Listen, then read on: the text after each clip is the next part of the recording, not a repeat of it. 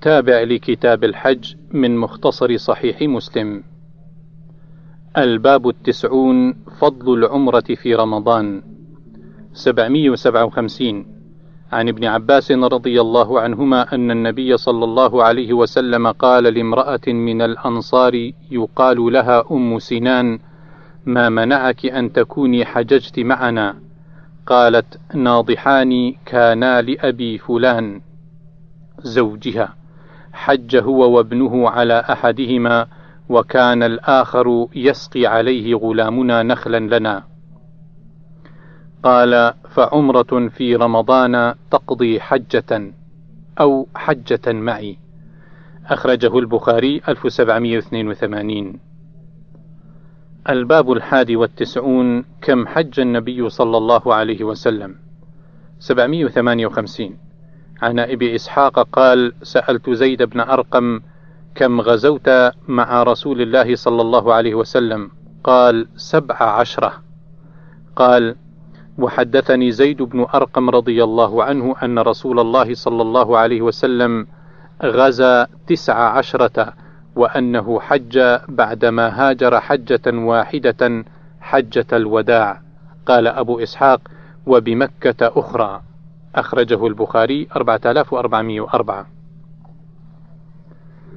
الباب الثاني والتسعون كم اعتمر النبي صلى الله عليه وسلم؟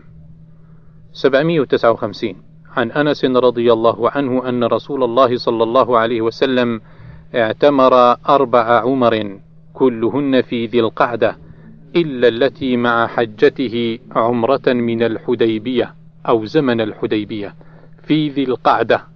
وعمرة من العام المقبل في ذي القعدة وعمرة من جعرانة حيث قسم غنائم حنين في ذي القعدة وعمرة مع حجته. أخرجه البخاري 1779 760 عن ابن عباس أن معاوية بن أبي سفيان رضي الله عنهم أخبره قال: قصرت عن رسول الله صلى الله عليه وسلم بمشقص وهو على المروة، أو رأيته يقصر عنه بمشقص وهو على المروة. أخرجه البخاري 1073 الباب الرابع والتسعون قضاء الحائض العمرة 761 عن أم المؤمنين رضي الله عنها قالت قلت يا رسول الله يصدر الناس بنسكين وأصدر بنسك واحد قال انتظري فإذا طهرت فاخرجي إلى التنعيم فأهلي منه. ثم القينا عند كذا وكذا. قال أظنه قال غدا ولكنها على قدر نصبك أو قال نفقتك. أخرجه البخاري 1787 الباب الخامس والتسعون ما يقول إذا قفل من سفر الحج وغيره. 762 عن عبد الله بن عمر رضي الله عنهما قال كان رسول الله صلى الله عليه وسلم إذا قفل من الجيوش أو السرايا أو الحج أو العمرة إذا أوفى على ثنية أو فدفد كبر ثلاثا ثم قال: لا إله إلا الله وحده لا شريك له، له الملك وله الحمد وهو على كل شيء قدير. آيبون تائبون عابدون ساجدون لربنا حامدون. صدق الله وعده ونصر عبده وهزم الأحزاب وحده. أخرجه البخاري 1797 الباب السادس والتسعون التعريس والصلاة بذي الحليفة إذا صدر من الحج والعمرة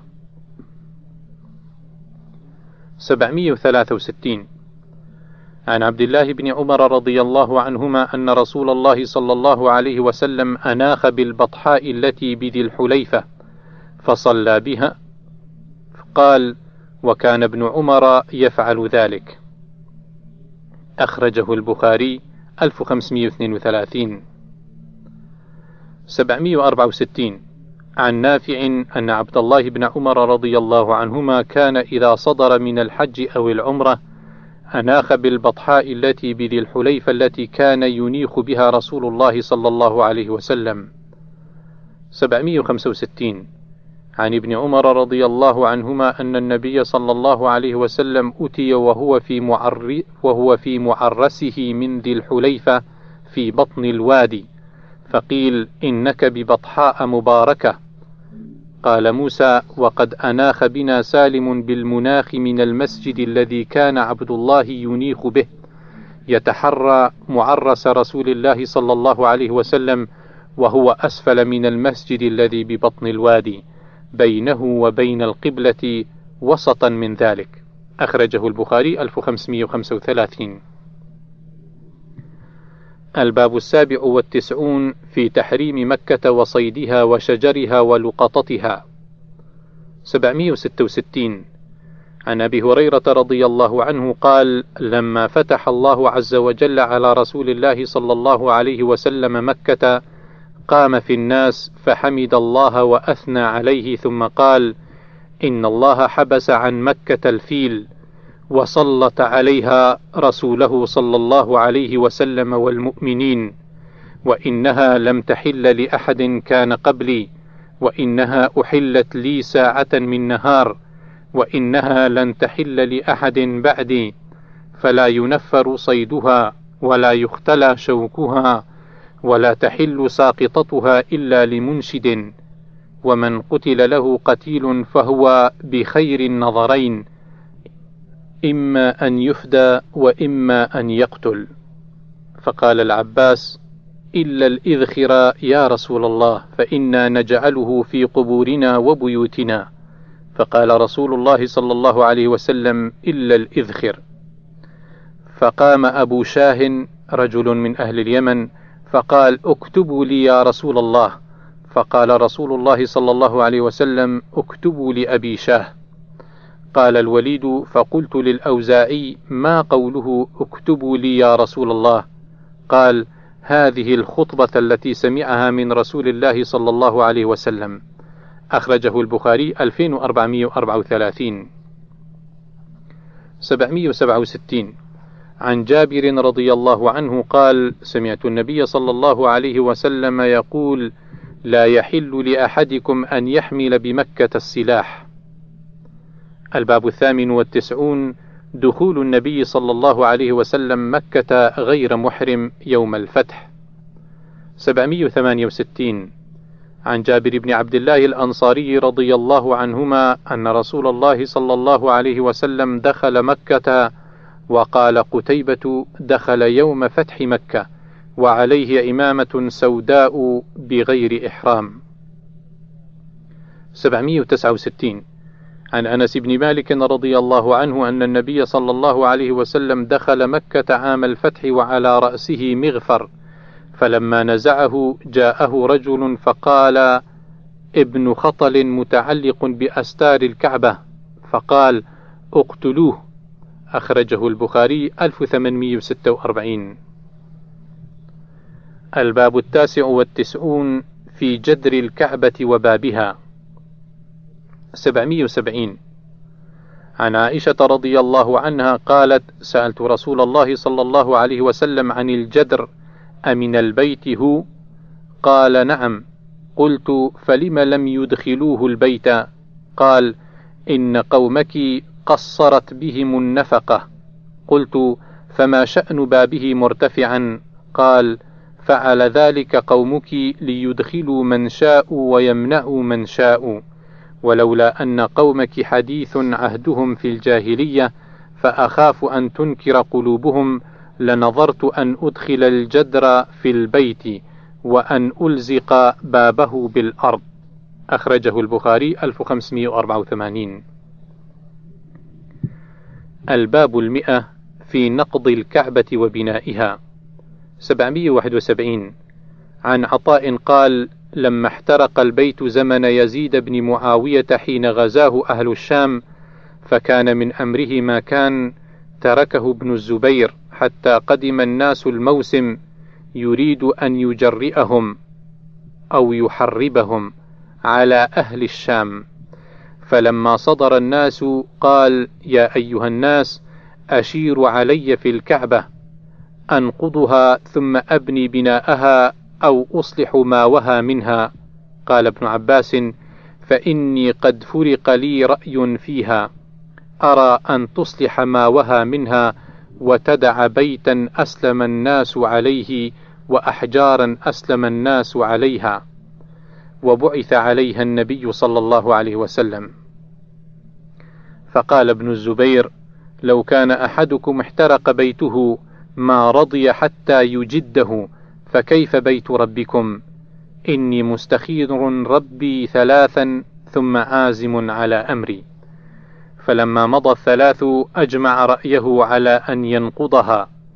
فتحاماه الناس أن ينزل بأول الناس يصعد فيه أمر من السماء. حتى صعده رجل فألقى منه حجارة.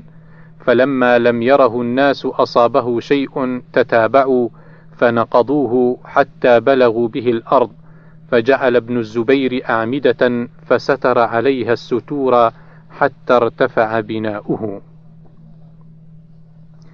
وقال ابن الزبير إني سمعت عائشة رضي الله عنها تقول إن النبي صلى الله عليه وسلم قال لولا أن الناس حديث عهدهم بكفر وليس عندي من النفقة ما يقويني ليومي على بنائه لكنت أدخلت فيه من من الحجر خمس أذرع ولجعلت لها بابا يدخل الناس منه وبابا يخرجون منه.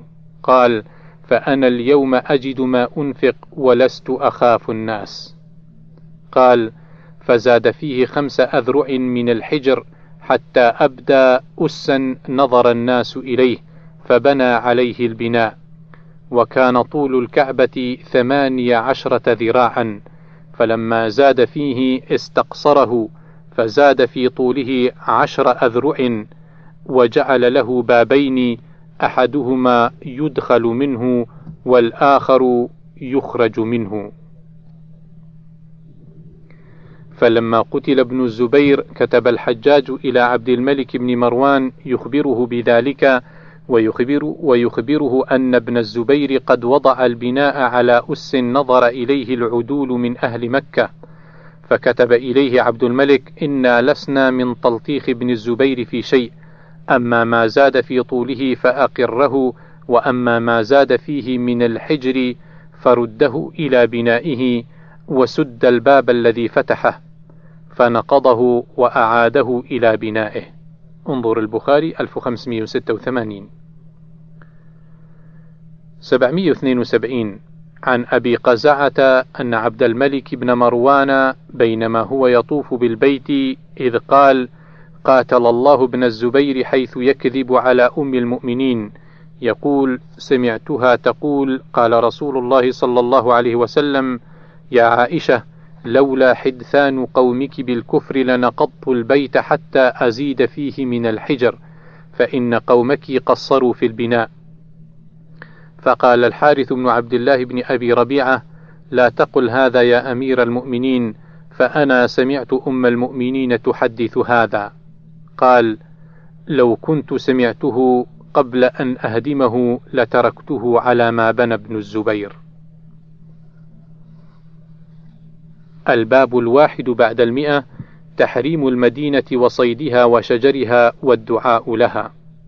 773 عن عبد الله بن زيد بن عاصم رضي الله عنه أن رسول الله صلى الله عليه وسلم قال إن إبراهيم حرم مكة ودعا لأهلها وإني حرمت المدينة كما حرم إبراهيم مكة وإني دعوت في صاعها ومدها بمثلي ما دعا به إبراهيم لأهل مكة. أخرجه البخاري 2129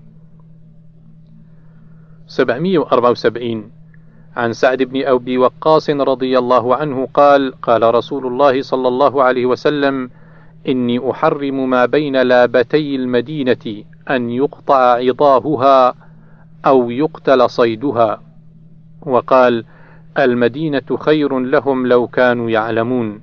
لا يدعها أحد رغبة عنها إلا أبدل الله فيها من هو خير منه ولا يثبت أحد على لأوائها وجهدها إلا كنت له شفيعا أو شهيدا يوم القيامة.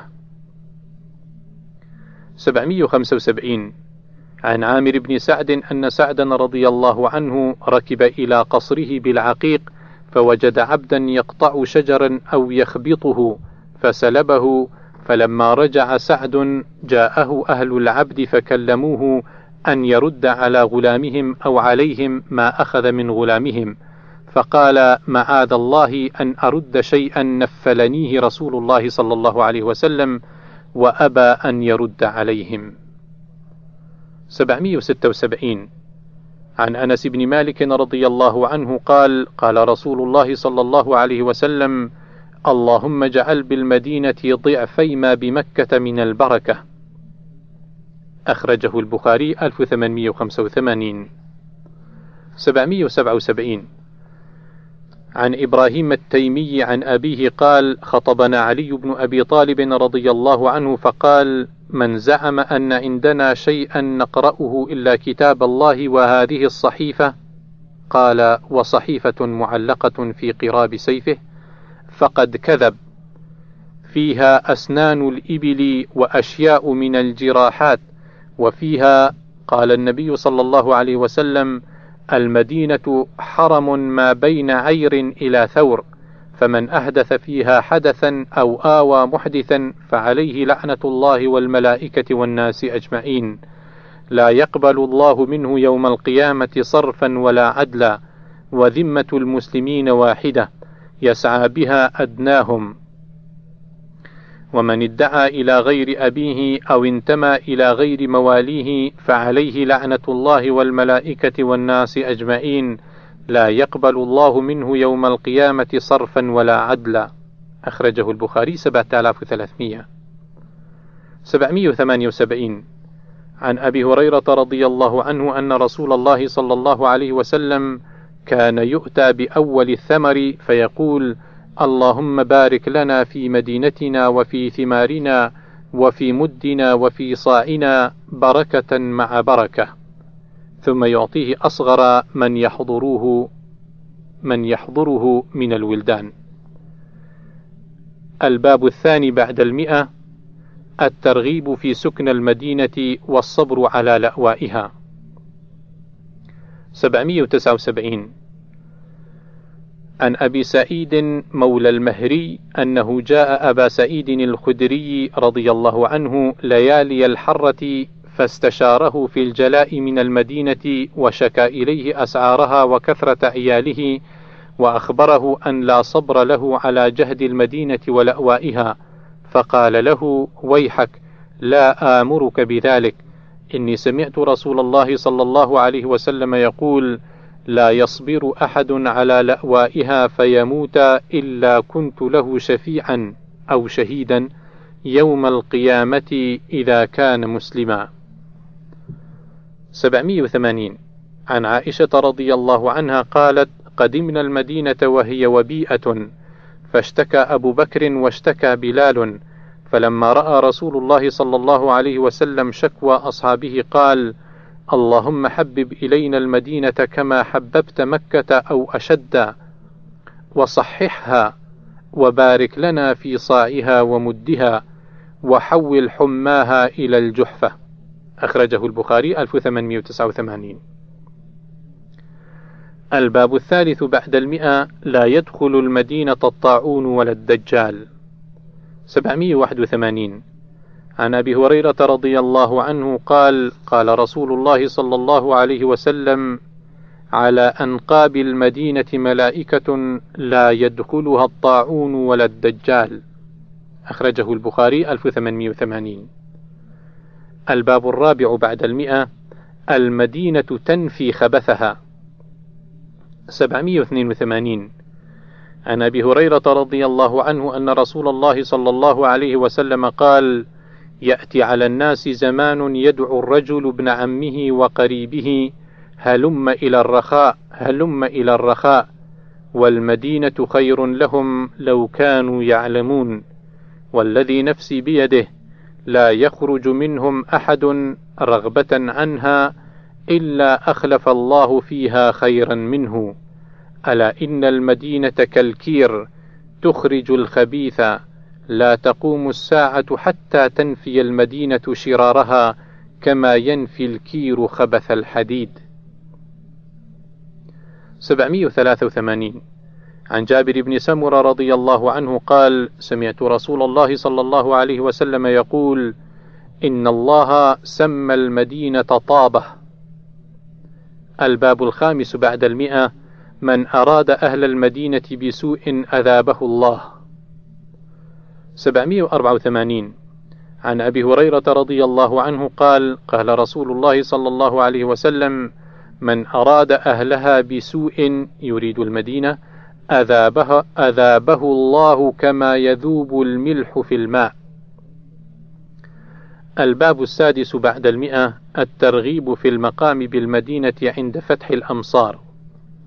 785 عن سفيان بن أبي زهير رضي الله عنه قال سمعت رسول الله صلى الله عليه وسلم يقول يفتح اليمن فيأتي قوم يبسون.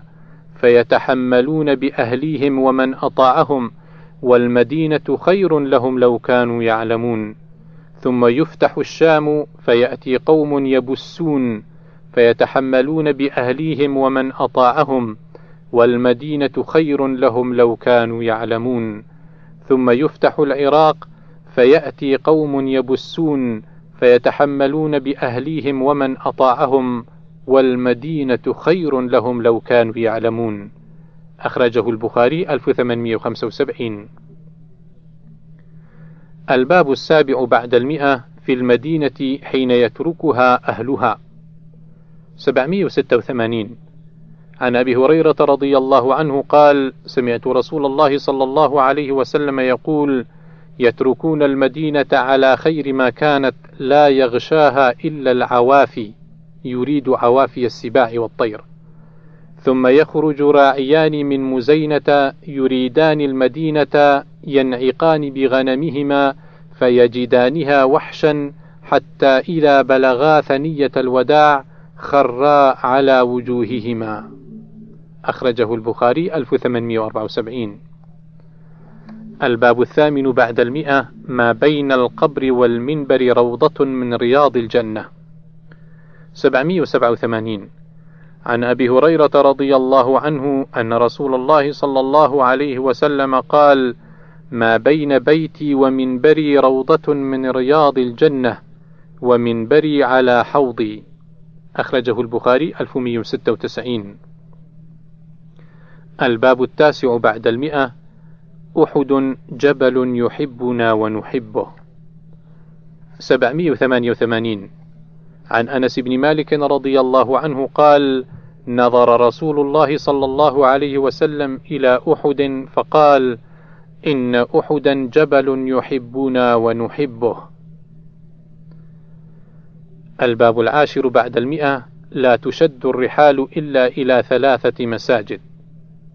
789 عن أبي هريرة رضي الله عنه يبلغ به النبي صلى الله عليه وسلم قال لا تشد الرحال إلا إلى ثلاثة مساجد مسجدي هذا ومسجد الحرام ومسجد الأقصى. أخرجه البخاري 1188 الباب الحادي عشر بعد المئة فضل الصلاة بمسجدي الحرمين الشريفين. 790 عن أبي هريرة رضي الله عنه قال قال رسول الله صلى الله عليه وسلم صلاة في مسجدي هذا خير من ألف صلاة في غيره من المساجد إلا المسجد الحرام. الباب الثاني عشر بعد المئة بيان المسجد الذي أسس على التقوى. 791 عن أبي سلمة بن عبد الرحمن قال مر بي عبد الرحمن بن أبي سعيد الخدري قال قلت له كيف سمعت أباك يذكر في المسجد الذي أسس على التقوى؟